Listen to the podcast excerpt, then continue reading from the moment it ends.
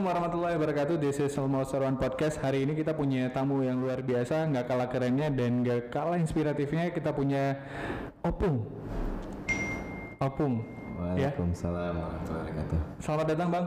Iya. Opung. Kenapa Ki dipanggil Opung bang? Eh, Bismillah. Yang pertama awalnya dipanggil Opung itu sebenarnya banyak sekali tentang nama-nama panggilan sayang ya. Ah, oh, eh, eh, itu, itu, itu termasuk satu panggilan sayang sebenarnya. Benar, benar sekali. Eh, yang pertama itu banyak macam-macam. Yang pertama dari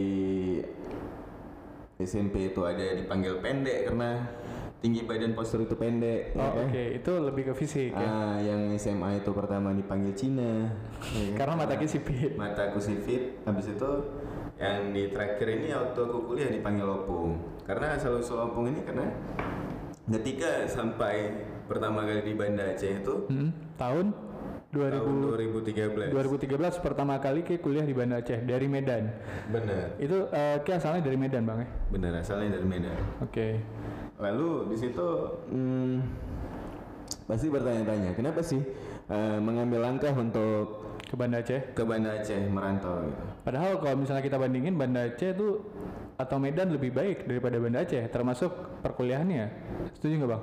Eh, Tapi apa ya apa yang membuat Ki, oh kayaknya aku harus ngerantau ke Banda Aceh gitu. menurutku sih itu sih tergantung spekulatif pemikiran orang ya. Ha-ha. Aku eh inama malu biniyah gitu kan. Niatlah memang sesuatu karena Allah. Dan aku percaya karena setiap niat itu pasti ada langkah yang baik, ya kan? Setuju, Ah, setuju. dan pasti eh, apa yang waktu apa yang pasti kita dapat itu wajib disyukurin. Kenapa? Eh, Allah ngasih itu tanpa diduga-duga. Contoh, aku lahir aku lahir di dunia ini bukan eh, semata-mata karena nafsu bukan, Mm-mm. tapi dilihat supaya dituntut sebagai anak yang soleh dan berperilaku budi pekerti baik. Dan aku memanfaatkan peluang itu. Allah ngasih rezeki yang tak disangka-sangka. Misalkan kayak gini, aku kuliah eh, lulus dengan jalur undangan, Hmm, di Uncia, unsia, Teknik. teknik elektro. elektro. Lalu di situ eh, tanpa ada bayangan sedikit pun apa sih itu elektro kayak gitu. Sebelumnya kayak nggak pernah tahu kalau misalnya teknik elektro itu apa, belajar tentang Benar. apa gitu ya. Benar-benar. Selebihnya dulu SMA itu ya kalau bisa dibilang dia kita cabut kayak gitu gitu lah. sewajarnya Nakal. bandel-bandelan anak SMA lah bang ya. Kalau nakalnya anak SMA. Lalu di situ Allah merubah segalanya, Le. Maksudnya kayak gini. Hmm, kita yang dari awalnya memang stuck, tidak tahu apa-apa, kalau memang kita rasa ingin tahu kita lebih, why not? Kenapa enggak melangkah aja terus? Mm-mm. Insya Allah kalau memang percaya takdir Allah itu memang yang terbaik untuk umatnya pasti itu. Ini aku ngomong bukan berdasarkan aku ini baik-baik kali enggak gitu kan. Tapi berdasarkan pengalaman yang udah kelewatin ya bang ya. Benar insya Allah Karena Ya setiap orang yang udah tahu aku Pasti baik buruknya orang tahu Cuman ini eh, Di kesempatan ini aku mau ngomong Buruknya itu Ya cukup kalian yang tahu gitu Tapi gak semuanya yang kalian tahu tentangku gitu Yang mau ku sampaikan itu aja Makanya Selebih dari itu kita Jalanin dulu ini Jalanin dulu ya. Ya. Nah, jadi pindah ke Banda Aceh. Banda Aceh itu tujuan pertama Ki atau ada tujuan lain de- pas kita mat- SMA Pak? Oh. pengen ke Banda Aceh aja atau ada tujuan lain nih bang? Oh itu. Oke, ini sedikit eh kita utarain belajar kekecewaan dan keikhlasan ya sebenarnya. Ya. Dari kecil aku memang udah belajar arti kekecewaan dan keikhlasan. Oke.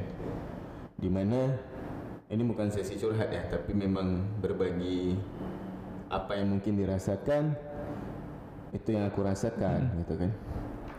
Jadi aku belajar dari kecil itu eh, SD kelas 5 belajar artinya kekecewaan dan keikhlasan. Eh, analoginya seperti ini. Di mana gimana sih rasanya mental anak kecil yang diraih untuk kesuksesan tapi waktu pas di masa dia kecil dia terbelenggu dengan suasana kekecewaan dan keikhlasan. Kekecewaan yang macam apa Ah, memang? seperti kayak gini. Eh, kehidupan dan kematian, ya kan? Mm-mm. Dua sisi di mana ada yang hidup ada yang mati. Tapi di situ aku nggak ngerasa ada yang hidup ada yang mati. Contoh eh, ya aku dari kecil tuh keluarga broken gitu kan. Mm-mm. ya di situ aku ngalamin rasa kekecewaan sih. Gimana ya teman-temanku ada keluarga yang lengkap tapi bahagia gitu Itu kekecewaan pertama dalam hidup kita. kekecewaan pertama dalam hidup dan harus belajar mengikhlaskan sampai Itu sekarang itu broken home di usia berapa Bang waktu itu? SD kelas 5 berapa SD kelas tahun? 5 dan kan anak pertama.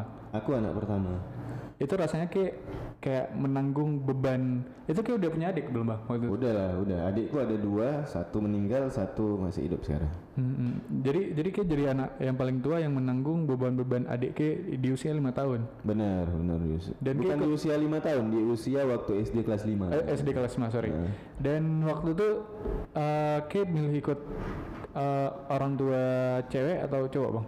Eh, itulah jadi hidup ini pilihan le Mm-mm. Ya kan?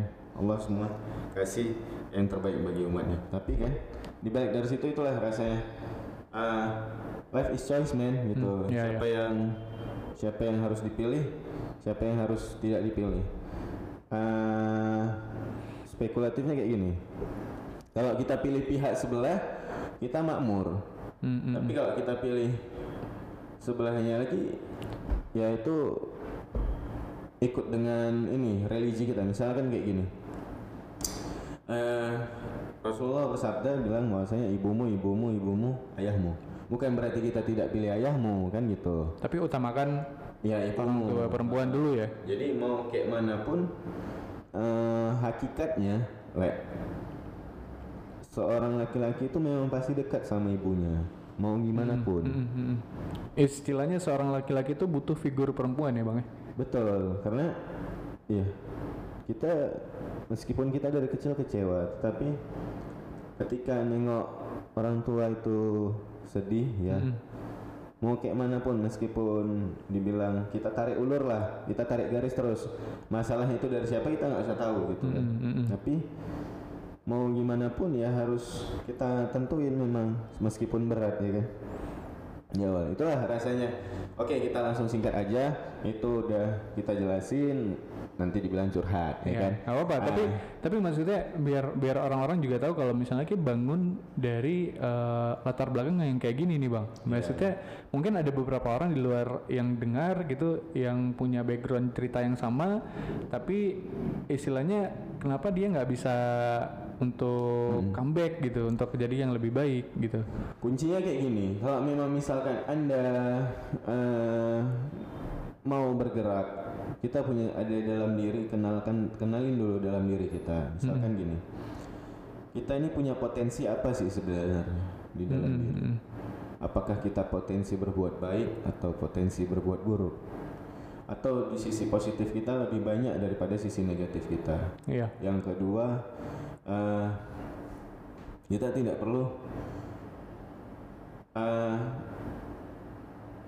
membandingkan dia punya keluarga lengkap, aku punya keluarga nggak lengkap lagi, tapi aku harus harus harus bisa seperti apa yang orang bisa bayangin gitu, jangan eh, orang ah anak broken nih mentalnya lemah enggak Istilahnya istilahnya pukul pukul semua omongan-omongan orang ya bang. ya itulah pukul Iya. akalnya jadi Iya.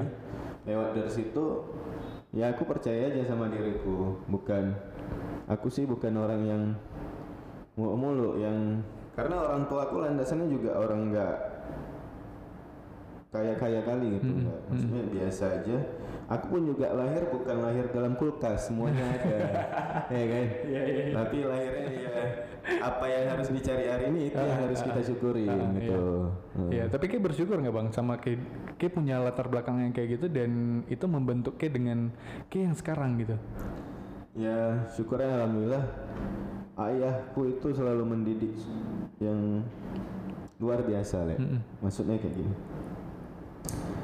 Setiap dari kecil itu diajarin apa pun tentang agama dan kepribadian yang baik. ya. Mm-mm.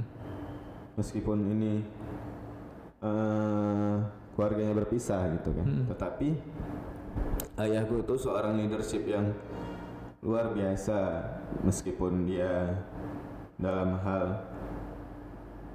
eh, tidak bisa membina rumah tangganya kembali kan gitu. Mm.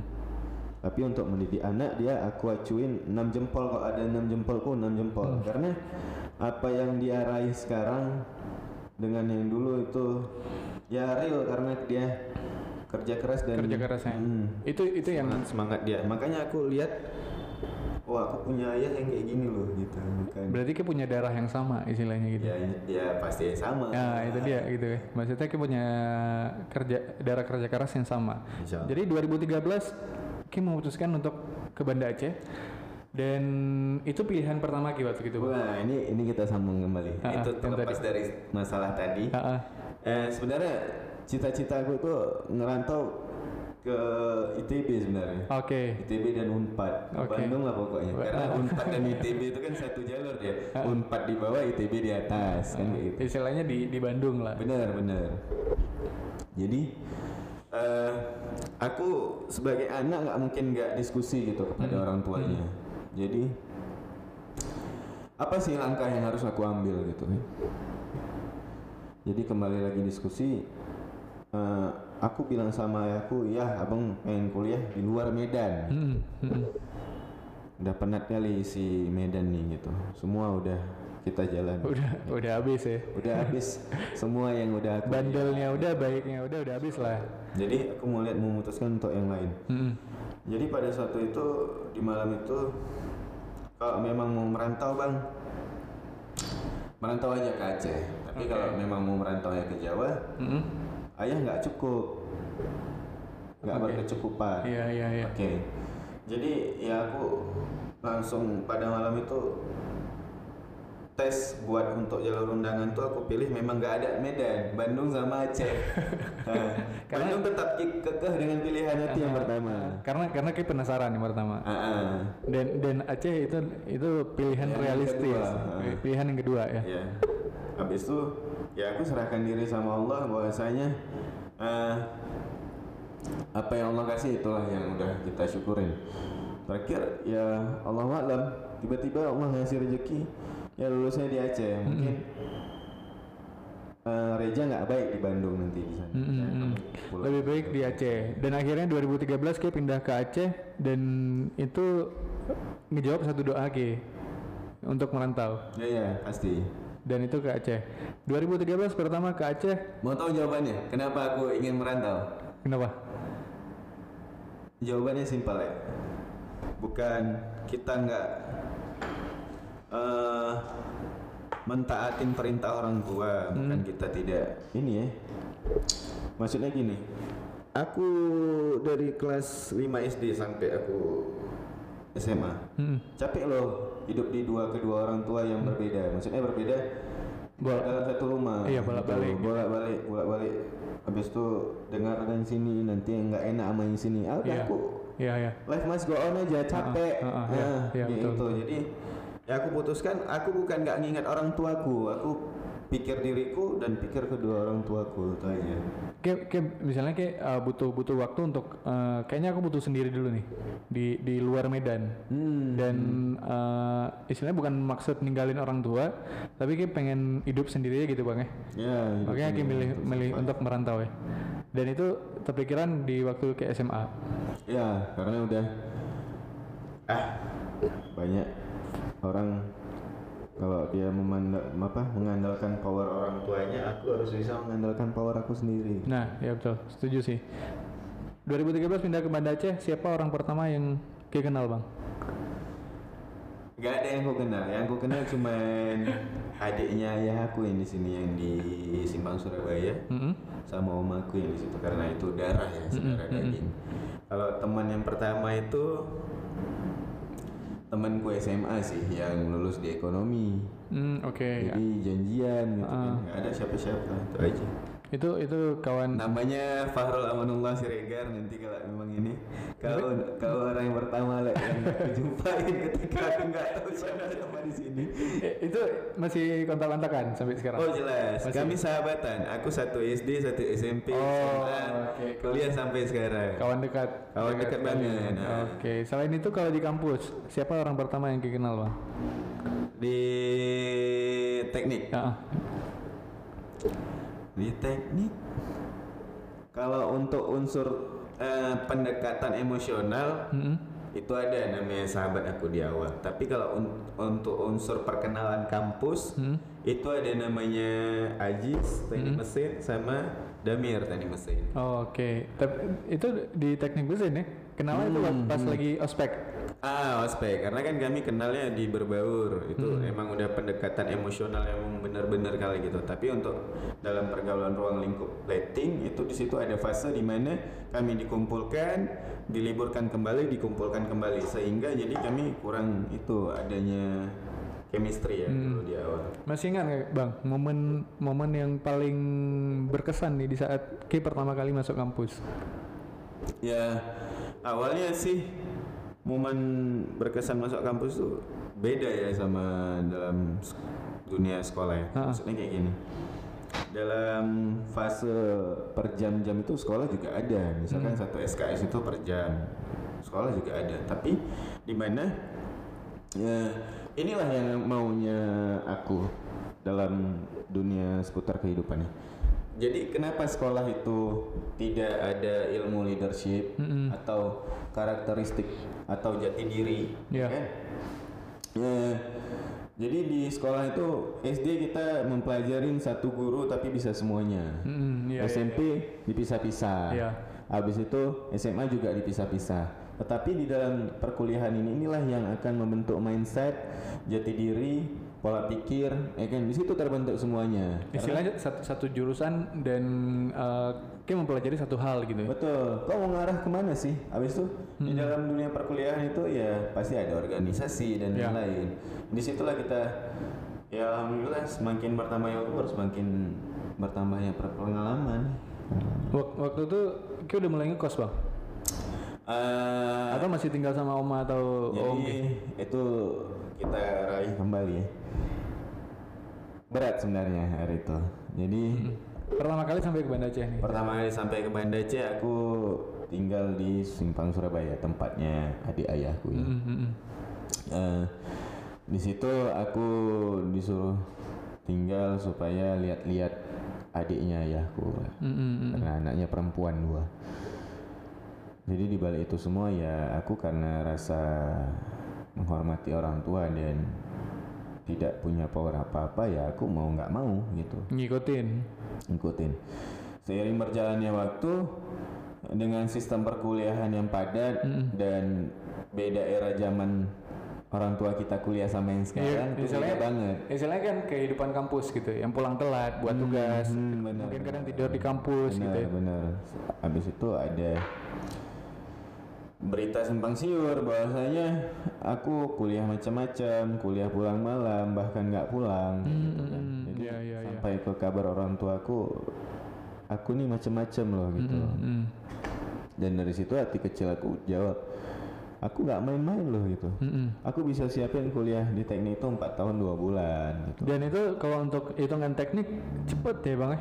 Insya Allah karena ya aku akan membayar semuanya karena ya orang walaupun untuk bilang hal yang enggak enggak ya aku jawabnya dengan hal yang aksi aja. Yang Istilahnya bu- buktiin pakai ini aja ya, karya. Karya aja. Nah, berapa lama berarti bang Ki tinggal sama Om Ki? kurang lebih setahun. Setahun, Iya, empat aku- semester berarti. Ya habis itu di situ aku memutuskan untuk ngekos. ah, bukan. Jadi kan itu di situ fasenya hmm, kebutuhan dan keinginan saling berdampingan nih ceritanya iya, iya, Ya, iya, iya. di mana kebutuhan kita lebih banyak dan keinginan kita juga lebih banyak tapi gimana kita harus mengontrolnya gitu Mm-mm. jadi Dan mewujudkan keinginan itu ya bang ya? betul jadi pada saat itu eh, seorang reja ini berkebutuhan banyak dengan memikirkan keadaan orang tua sebelah dan keadaan dia juga gitu. Hmm. Jadi aku memutuskan untuk berjualan, berjualan, berjualan sama temanku tuh, Mm-mm. anak ekonomi nih, gitu kan, yang temanku itu. Jual, jualan apa waktu itu? Itulah jualannya namanya kopi coklat. Eh, itu pertama kali Ki masuk ke dunia kopi. kan? Ah, brand brandnya brandnya namanya Kofico ya kan Kofico. Itu di situ kopi sama coklat. Kami jualan di lapangan Tugu ya alhamdulillah. Besar banyaknya kami tidak mengeluh karena eh, apa pun cerita karena kami dari hati ingin eh, menambah penghasilan gitu kan. Ya udah berjalannya waktu di situ semakin gigihnya kita mencari hal-hal yang baru